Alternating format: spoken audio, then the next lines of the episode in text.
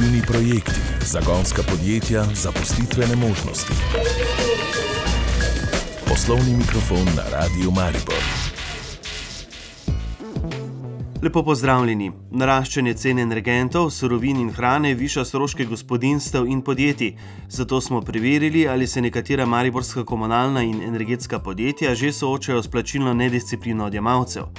Bili smo na otvoritvi kotičkov za ponovno uporabo malih aparatov in preverili, kakšne so prednosti take uporabe. Ob tem bomo v vodaji govorili tudi o izzivih, ki jih prinaša širjenje različice koronavirusa Omikron.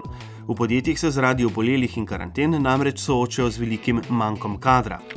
Poslovni tudi na spletu. Radio Maribor.si V Mariboru so v dveh snagenih zbirnih centrih prejšnji teden namenu predali kotička za ponovno uporabo delujoče električne in elektronske opreme. Kotička sta namenjena ločevanju delujoče opreme od nedelujoče in predajanju prve v nadaljno uporabo. S tem se zmanjša to vrstni odpad, življenjska doba izdelkov pa se podaljša.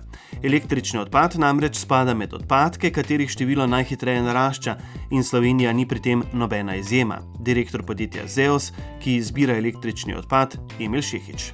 Če smo v začetku zbirali vem, 3000 ton v Sloveniji, zdaj zberemo že 15000 ton teh odpadkov, in uh, količina, ki gre na trg, je pa 40 tisoč ton. Pomeni, da je ta rast še precejšna in da tudi potencijala za te odpadke je vedno več. Ugotavljamo, da se sicer stanje v samem ločevanju izboljšuje, tudi kot posledica teh projektov okoljskih ozaveščevalnih, ki jih sofinancira Evropska unija. Mi smo v prvem projektu leta 2011 eh, predvsem bili usmerjeni v ozaveščanje šol in pa mladine.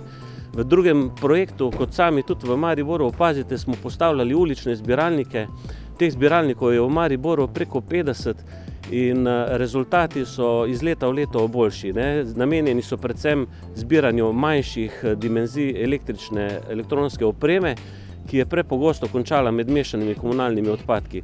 A v spredju mora biti krožno gospodarstvo, ki spodbuja ponovno uporabo in souporabo izdelkov. V državno mrežo več deset kotičkov za ponovno uporabo še delujočih aparatov so zdaj tako dodali dva tudi v Mariboru. Ta projekt eh, spodbuja vse elemente krožnega gospodarstva, ne le ponovno uporabo, ampak tudi servisiranje, obnavljanje, souporabo in pa krepitev poslovnih modelov na tem področju. Mi smo ponosni, ne, da se Maribor vedno pridružuje takšnim akcijam. Kljub temu, da tokrat ni med prvimi pri postavitvi, postavili smo že 30 takih kotičkov v Sloveniji, torej pri polovici slovenskih eh, komunalnih podjetij. In v nadaljevanju letos pomladi načrtujemo postavitev tudi pri vseh ostalih. In seveda pričakujemo, da bo ljudje to res dobro sprejeli, da bo dober odziv in da bodo ti uh, izdelki torej eh, električna elektronska oprema našla eh, nove lastnike in s tem podaljšali dobo uporabe to vrstnih izdelkov. Projekt postavitve kotičkov za ponovno uporabo delujoče električne in elektronske opreme je pozdravil tudi direktor Mariborske snage Franz Dover. Kotička so namreč umeščena v snagenih zbirnih centrih v Plinarniški in Lahovi ulici. Kot je dejal Dover, ga veseli, da družba postopoma tlakuje pot k domu brez odpadkov in napovedal nadaljne odpiranje omenjenih kotičkov še v drugih snaginih zbirnih centrih. Namen vsega tega je vsekakor osveščanje, obveščanje, izobraževanje naših uporabnikov eh, in pa seveda takšni kotički, ki mi v mestni občini Maribor na leto zberemo cirka 700 ton odpadne električne elektronske opreme in verjamemo, da je znotraj tega potencijala še ogromno tudi koristnih in za namenom v ponovno uporabo. Kot zanimivost sem nekje zasledil, če verjamete ali ne, v enem milijonu kosov mobitelov preži 24 kg zlata. 350 kg srebra in 14 kg paladija. To so zelo redke in zelo dragocene kovine. Nekje sem zračunal 2 milijona pa pol evrov, to znaša na včerajšnjo borzno ceno. Želimo si, da bi tega bilo, bi rekel, čim več povabimo vse naše uporabnike, mi se bomo potrudili, da bomo našo infrastrukturo tako izboljševali, nadgravali, seveda v sodelovanju z vsemi župani in seveda lokalnimi skupnostmi, kjer bomo to dejavnost opravili tudi v prihodnje. In kako torej deluje kotiček za ponovno uporabo delujočih aparatov? Kakšen je njegov namen? Oprema, ki je še delujoča, ki jo je še možno naprej uporabljati, da jo ločimo in da damo možnost, da tudi drugi pridejo do te opreme, pa ne samo tisti, ki jo morda eh, ne morejo si privoščiti nove, ampak tudi tiste opreme, ki eh, seveda eh, bi jo želeli imeti še dodatno. Eh, gre za električno elektronsko opremo, torej za gospodinske aparate, za zabavno elektroniko, za računalniško opremo, tudi za igrače ali pa za kakšno električno urodje, torej kar deluje in kar je še možno uporabljati naprej. Ko ljudje oddajo še delujoče aparate, ki bi jih sicer zavrgli, jih pristojni na to pregledajo in osvežijo, popravijo in dajo v ponovno uporabo.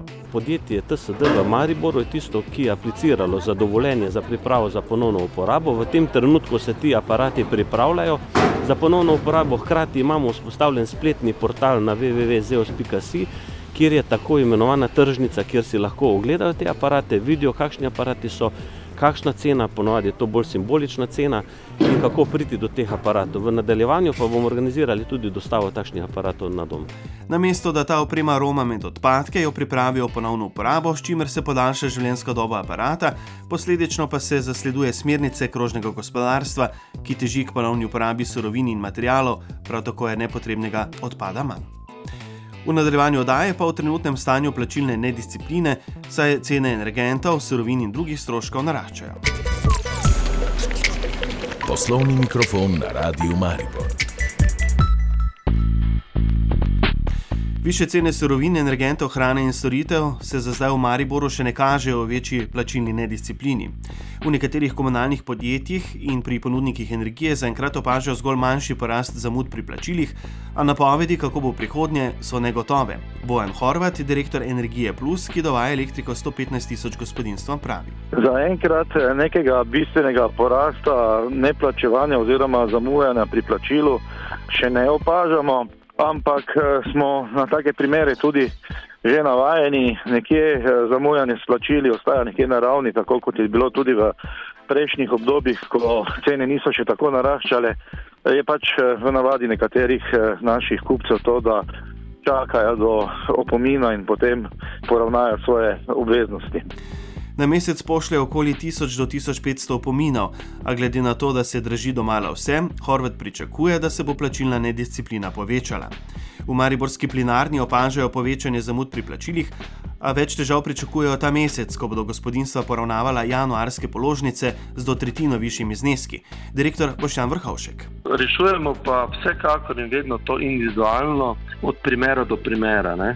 In se pol sklepajo dogovori z vsakim posebej. Vedno prvo eh, hitreje zaznamo povečanje neplačil pri gospodinstvih, zaradi tega, ker je gospodinstvo neprimerno več kot pa pri podjetjih. Je pa res, da pri podjetjih so pa zneski višji. Tako bi težko govoril o odstotkih, zaradi tega, ker je, bom rekel, v absolutnem znesku je, je, je vrednost pri eh, podjetjih neprimerno više kot pa pri gospodinstvih. Vrhovšek glede prihodnjega gibanja cen pravi, da je težko karkoli napovedovati, o razlogih za januarsko povišanje cen pa. Mi smo povišali cenike za 30 odstotkov, nabavna cena energenta na borzi je pa za več kot 600 odstotkov povišala. 600, ne? če je kotirala pri 15 evrih na megavatno uro, je kotirala v decembru pri 180 evrih določene dni, ne, pa, pa pri 150, pa pri 120 evrih, ne, kar pomeni, da je to nenormalna povišanja. Ne. Mi, mi smo to blažili, koliko se le da in koliko zmoreš. Ne. Trenutno bomo stali tako, kot smo zdaj spremenjali, ne bomo, mi bomo to zimo preživeli po teh cenah, ki so, za jesen bomo pa videli, kje bomo. Ne. V energetiki Maribor, ki s toploto oskrbuje 13 tisoč odjemalcev, ne zaznavajo povečanja zamud pri plačevanju. Spomnimo, da je zaradi izjemnih podražitev v zadnjih mesecih preteklega leta položaj direktorja moral zapustiti Alan Perc, na to pa so odjemalcem ponudili obročno odplačevanje. Začasni direktor, sicer direktor javnega holdinga Maribor, Andrej Richter, o trenutni situaciji pravi.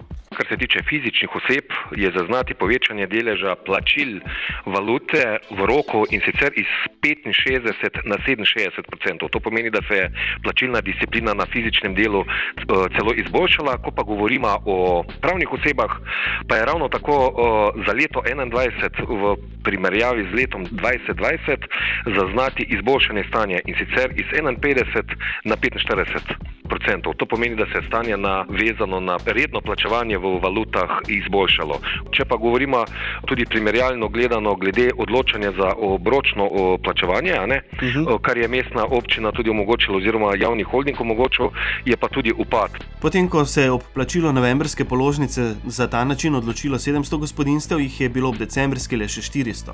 Richter tudi v prihodnje ne pričakuje težav. Zaradi tega, ker je tudi cena v mesecu januarju, če gledamo primerjalno, glede na november, kar 40% nižja. Z naprejšnjim zakupom plina so namreč ponovno zagotovili niže cene. Tudi pri snagi ni težav. Direktor Franz Dober. Ja, glede na zadnje podatke, ki so tudi dosegljivi in zaključek poslovnega leta 2021, lahko rečemo, da so plačila enakomerna in se redno dogajajo. V tem primeru se moram seveda najprej zahvaliti vsem rednim plačnikom naših storitev. To je tudi ena iz osnovnih, eh, bi rekel, pogojev, da lahko tudi mi plačujemo svoje obveznosti in opravljamo to, kar nam je tukaj zaupano. V primerjavi z lanskim letom lahko rečemo, da smo celo to nekako nedisciplino, če se temu tako izrazim, nekoliko znižali, so te obveznosti celo nekoliko padle. Moram pa tudi povdariti, da cene naših storitev so ostale nespremenjene, tako od leta 2020, 2021 in tudi planiramo, da bo tako ostalo tudi v letu 2022. Seveda, v okolju, v katerem živimo in eh, še posebej zaradi sprememb cen energentov, goriv in pa tudi seveda cena eh, dela ter storitev, ki jih izvajajo za nas tudi podizvajalci, bomo morali zelo skrbno delati vsi skupaj. Eh, na tem mestu, bom rekel, je redno poravnavanje eh, položnic tudi pogoj in osnova, da lahko tudi mi izpolnjujemo svoje obveznosti tudi do naših, bi rekel, podizvajalcev. Dover upa, da splošne podražitve ne bodo v prihodnosti vplivali na zamude pri plačilih, medtem pa v Mariborskem vodovodu že zaznavajo malenkostne zamude pri plačilu. Direktor Miranjuk. Pak večjih problemov še zaenkrat ne zaznavamo, upamo, da bo tudi tako naprej. Seveda je pa pritisk na gospodinstva, predvsem na gospodinstvo in tudi gospodarstvo, glede ostalih zvišen precej velik, tako da si ne zatiskamo oči, da bi se tudi pri nas lahko to pojavilo. Zaradi tega, ker proračun gospodinstev se pa ni toliko povišal, koliko so se v bistvu dejansko dvignili stroški v zadnjih dveh, treh, štirih mesecih. Dodaja, da je krok odjemalcev, ki sploh ne poravnavajo položnic, zelo majhen, tistih, ki plačujejo za mikom od roka, pa je manj kot 10 odstotkov. Pri poslovnih odjemalcih se je stanje celo izboljšalo. Tam so nam terjatve celo nekaj, eh, terjatve, ki so zapadle, padle. Je pa res, da delamo mi na tem zelo dosti, zaradi tega, ker je pač naša likvidnost tudi zelo pomembna, da lahko kvalitetno dobavljamo vodo. Za blažitev posledic naraščajočih cen energentov se pripravlja tudi pomoč države. Solidarnostni energetski dodatek, ki ga za omilitev posledic zaradi visokih cen energentov v višini 150 evrov predlaga vlada, bo prejelo 710 tisoč upravičencev, zato pa bo namenjenih okoli 108 milijonov evrov. Odjemalci bodo tri mesece oproščeni plačevanja omrežnine, znižene bodo tudi trošarine. V zadnjem delu oddaje pa k težavam, ki jih v podjetjih povzroča različica koronavirusa Omikron. Poslušate oddajo Poslovni mikrofon na Radiu Maribor. Na javnem razpisu Evropski razpisi, predstavitve poklicev, pozitivne zgodbe našega okolja. Poslovni mikrofon na Radiu Maribor. Izjemno hitro širjenje koronavirusne različice Omikron po državi otežuje delo v vseh delih družbe, tudi v gospodarstvu. Nič drugače ni na Štajerskem, kjer se zaradi obolelih in karanten v podjetjih soočajo z velikim manjkom kadra. V podravskih podjetjih je položaj zelo resen, opozarja direktorica Štajerske gospodarske zbornice Aleksandra Podgornik. Mi beležimo celo do 20 odstotno bolniško odsotnost, prav zaradi trenutne situacije, COVID situacije. In podjetja eh, enostavno dnevno prerasporejajo dela in naloge na določenih segmentih. Najhujše eh, je seveda v proizvodnih dejavnostih, zato smo že nekaj časa opozarjali, da bi bilo potrebno karantena in izolacija, ki se nanaša seveda na družinske člane, na ostalo eh, skrajšati, predvsem z tega vedika, ker je vedno večji izziv, kako vendar izpeljati določena naročila. V Kidričevskem podjetju Talom je situacija nekoliko boljša, saj je odsotna okoli desetina delavcev, pojasnjuje vodja službe za odnose z javnostmi Nataša Vodušek Fras. Zdaj, pri nas je zelo pomembno, da ohranjamo zdrave sodelavce, oziroma da smo zdravi, ker pač imamo proces, ki ga ne moremo ustaviti. Ves čas korona že zelo striktno izvajamo vse ukrepe za preprečevanje širjenja virusa in do zdaj nam je dobro uspevalo ohranjati to našo neprekinjen proizvodni proces. In tudi ta trenutek lahko rečemo, da proces obvladujemo in verjamemo, da nam bo to s pomočjo teh sprejetih ukrepov pomagalo tudi v prihodnje. Zaradi vdora virusa pa so morali nekateri podjetniki in obrtniki z manjšimi kolektivi celo začasno ustaviti delo ali skrajšati čas storitev. To so denimo storili v mariborskem lokalu Nana. Najhuje je bilo pred dvema tednoma, razlaga Devana Blakaj. Ampak ja, prihajamo počasi k sebi. Zaradi tega smo skrajšali tudi delovnike. Tako da nedelje in ponedeljke delamo izključno do petih, tudi torke in srede smo skrajšali, tako da pač enostavno smo se mogli prilagoditi sami situaciji. Najhuje je bilo, ko nas je delalo tri v kuhinji, pa tri v strežbi. To pomeni, da nas je od 29 ljudi, ki nas je v ekipi, delalo izključno šest. Pač to je bilo res tisti teden neverjetno stresno in naporno. Tako da sem najizmerno hvaležna ekipi, ki smo stari zdravi, da smo lahko to zmogli. In pa res večini, bom rekla, večini gostov, ker nažalost čisto vsi tega ne razumejo. Se lahko samo zahvalim, da so razumeli, da smo jih bili željni, postreč, prijazno, mogoče počasneje, ampak da smo res dali vse od sebe in se potrudili, da nana normalno funkcionira, ne glede na situacijo. Izpad delavcev v gostinstvu zaradi virusa je še toliko težji, saj delavcev v panogi že tako primankuje, opozarja sogovornica. To je še toliko večji problem, ker je tak in tak že manjko kadra in zdaj pač ta bolezenska situacija oziroma COVID situacija še toliko bolj najeda samo gostinstvo. Vsi vemo, da tukaj je nujno potrebna uh, postrežba, kuharji, kjer pač enostavno brez uh, človeškega faktorja ne gre.